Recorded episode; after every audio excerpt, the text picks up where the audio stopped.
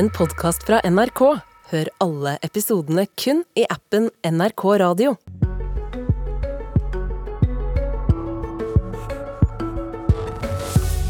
Kutte eller ikke kutte likevel. For regjeringen varsler nå milliarddryss i mai for å kompensere sykehus, politi, universiteter og andre som i realiteten får budsjettene sine krympet av høy prisvekst. Finansminister Trygve Slagsvold Vedum, velkommen. God morgen. Du har tidligere vært veldig veldig tydelig på at nå må vi stramme inn pengebruken for at priser og renta ikke skal gå enda høyere og lage enda mer trøbbel. Men hva gjør du nå? Vi er inne i en urolig tid, og vi har en urolig verden. Og så hadde regjeringa et ansvarlig og trygt budsjett som vi la fram før eh, jul. Som vi fikk flertall for i Stortinget. Som la, la opp til en viss aktivitet i politiet, sykehus, skolene. Sånn skulle Norge drives. Og så ser vi at eh, pga. den uroen så er prisveksten høyere enn det man la til grunn når man lagde budsjettet. Og hvis man ikke da justerer, så vil det bli mindre aktivitet i politiet. Altså I stedet for at man har den kveldsvakta, så kan man ikke ha den kveldsvakta. Istedenfor for sykehus at man kan ta den ekstra operasjonen, så må man stoppe operasjonen, for det er ikke nok penger. Og det som eh, jeg varsler vegne av regjeringa, er at vi ønsker å videreføre det aktivitetsnivået som vi la til grunn, som var et stramt opplegg. Men vi ønsker ikke å stramme enda mer til. For vi vil at vi skal ha et politi, forsvar, sykehus, skoler. Altså som skal holde Norge i gang.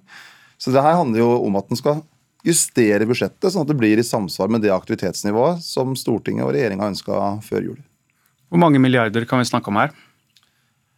Ja, Det er eh, for tidlig å si, for det er, egentlig litt uansvarlig å si nå. fordi at Man må jo se hva blir prisveksten. Så Nå har akkurat januar vært ferdig.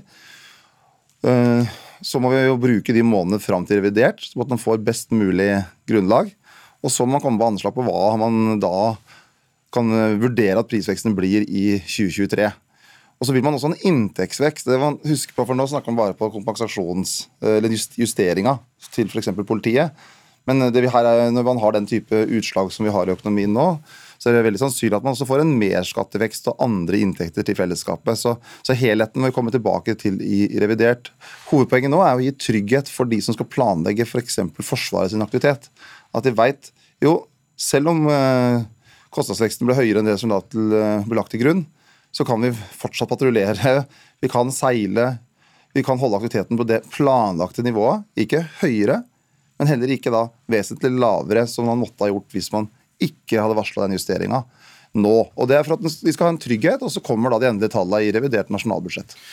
De må vente til da, men det jeg skjønner, det dere kommer til å gjøre, er at dere kommer til å sette et nytt pristall rett før revidert nasjonalbudsjett i mai, og da blir det gjeldende. Og dere planla jo for 2,8% prisvekst i et stort budsjett som eh, på 1700 milliarder, for så vidt, men alt er ikke knytta til det. Men det er flere hundre milliarder innkjøp.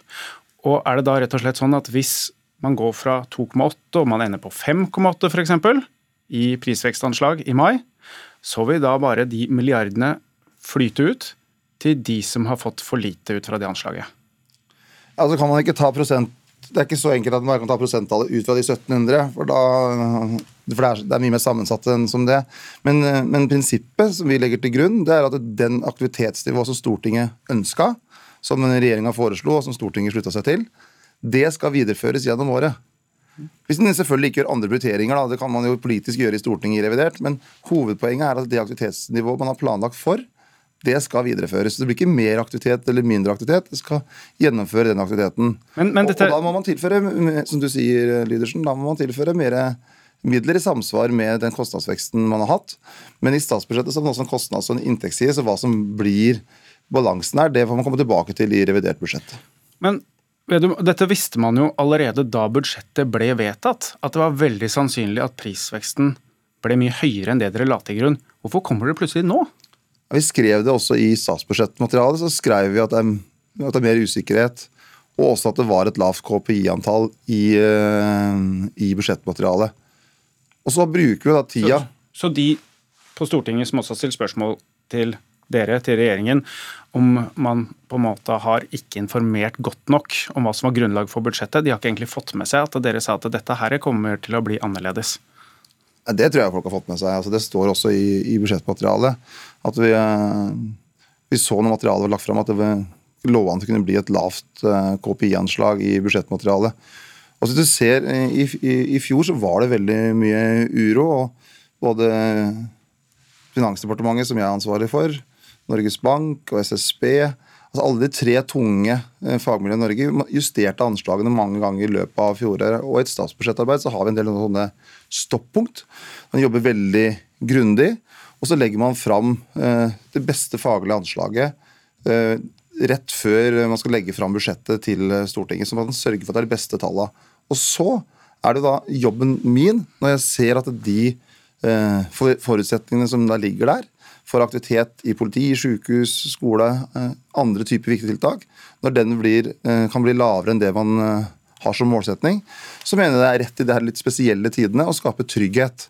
Trygghet for virksomhetene, og at de varsler det nå. Vi har jo revidert budsjett for at vi kan kunne revidere, og det er der man vanligvis gjør alle mulige justeringer. Måtte... Men det er naturlig å vise i forkant nå at vi kommer til å gjøre justering. Vi må tilbake til den kuttlinja dere har hatt før, og det behovet dere sa for at man ikke rentene skal gå i været. For nå snakker du om at det kommer en inntektsside òg. Jo, det går bedre i norsk økonomi enn det dere forutsatte, egentlig. Så derfor så kommer det til å komme mer inntekter. Samtidig så sier du det gir rom for å bruke enda mer penger gjennom å dele ut mer til offentlige virksomheter. Altså, da har du, Det går egentlig bedre, og dere gir enda mer gass. Vi gir akkurat lik, lik gass. Det blir jo mer penger av dette ja, enn det du har gjort ellers. Det handler om samfunnets ressurser. Ja, men til Endringen i anslaget deres er at det går bedre enn man trodde. Nei, altså, det som er Endringene er jo at vi ser at vi har en høy prisvekst, og høy prisvekst skaper utfordringer for veldig mange. Det skaper det for Nei, behovet for å stramme inn, Behovet for å stramme inn, har dere gått litt bort fra det? Nei, Vi har jo et, et stramt budsjett og et, og et, stramt opplegg. Men så til slutt handler dette om ressursene. Altså Hvor mange mennesker skal gå på jobb som politi? Hvor mange mennesker skal gå på jobb som sykepleiere eller lærere? Hvordan bruker vi samfunnets ressurser? Og denne Justeringa her gjør at man skal bruke akkurat like mange ressurser. Eh, om det er lærere, sykepleiere, anleggsarbeidere som skal reparere veiene våre, som, som var planlagt i desember, så man må bare justere budsjettet etter den virkeligheten vi står i, og så varsler vi det nå. Så det er ikke sånn at man kommer til å bruke noe mer folk i offentlig sektor pga. det her. Man skal bruke akkurat likt antall mennesker. Uh, likt uh, aktivitetsnivå. Men sykehus har da altså annonsert at de må kutte. De trenger ikke lenger å gjøre det. Det er krevende i sykehusene sjøl med dette. Fordi at det har uh, også 2022, de tida vi har vært inne i, har vært krevende år. Men det her gjør at man får mer forutsigbarhet, mer trygghet. Og man veit at når man skal planlegge revidert nasjonalbudsjett, som jeg har ansvaret for å komme med nye anslag overfor Stortinget for, så vil vi ta høyde for nettopp at prisveksten blir høyere, ser det ut eh, nå, enn det som var anslagene i fjor høst. Det er ikke noe tvil. Regjeringa dere sliter jo litt på målingene. Det har vært mye bråk rundt en del av de kuttene som noen virksomheter, ikke minst sykehusene, må må gjennomføre. Er, det, er dette har det blitt for tungt å svette seg gjennom den dyrtiden og den ordentlige innstrammingspolitikken dere har snakket om hele tiden nå? Vi gjør den innstrammingspolitikken vi har sagt, men hvis vi ikke hadde gjort dette, her, så hadde innstrammingen blitt mye mer omfattende enn det som var både regjeringas og Stortingets mål før jul. Så det er et stramt budsjett. Det har vært veldig krevende prioriteringer. Det er tøft å også være virksomhetsleder. Men hvis vi ikke gjør dette her, så vil det blitt mye strammere og mye mindre aktivitet i offentlig sektor enn noen partier på Stortinget la opp til før jul. Da blir, kan vi i hvert fall konkludere med at det blir en god del milliarder som skal fordeles ut, hvis prisveksten blir så høy som veldig mange spår at den blir i 2023. Trygve Slagsvold Vedum? Altså, det er veldig mye aktivitet som eh, skal finansieres over budsjettet. Alt fra alle politiet til forsvar til sykehus. Så det er store beløp det er snakk om. Men det er bare for å justere, sånn at det blir trygghet for at de kan ha den aktiviteten de har planlagt for, og som Stortinget og regjeringa vedtok før, før jul. Tusen takk for at du kom hit og fortalte om en nokså stor justering for svært mange Trygve Slagsvold Vedum. Og så ønsker jeg velkommen Einar Lie, professor i økonomisk historie, samfunnsøkonom Universitetet i Oslo. Du har jo vært en av de store kritikerne nettopp til hvordan budsjettprosessen har fungert, og at eh, prisvekstanslaget som ble lagt inn i statsbudsjettet, var for lavt, og konsekvensen av det. Eh, men det Vedum kommer nå, løser i den floka?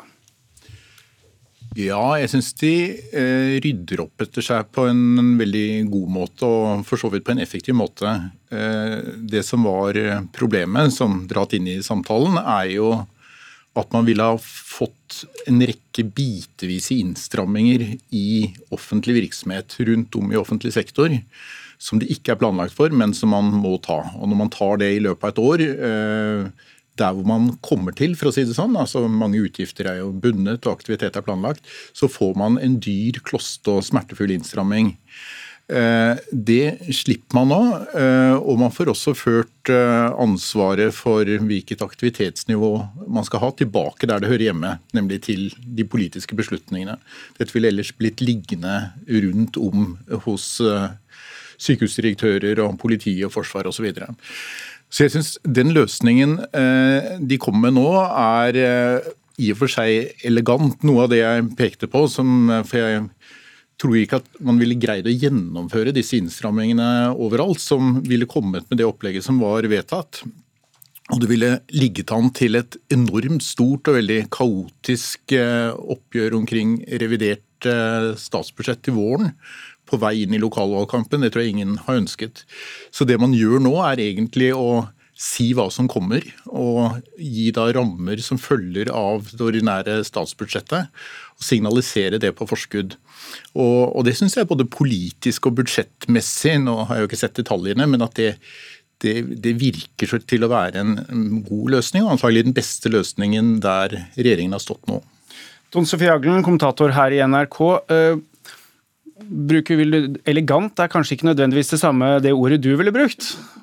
Eh, det er det ord vi kommentatorer bruker sjelden, men eh, hvis du lurer på hvorfor skjer det her nå, så den bekymringa som NLI setter ord på, kan du jo lese rundt omkring i landets aviser fra sykehusdirektører, fra rektorer, fra kulturledere.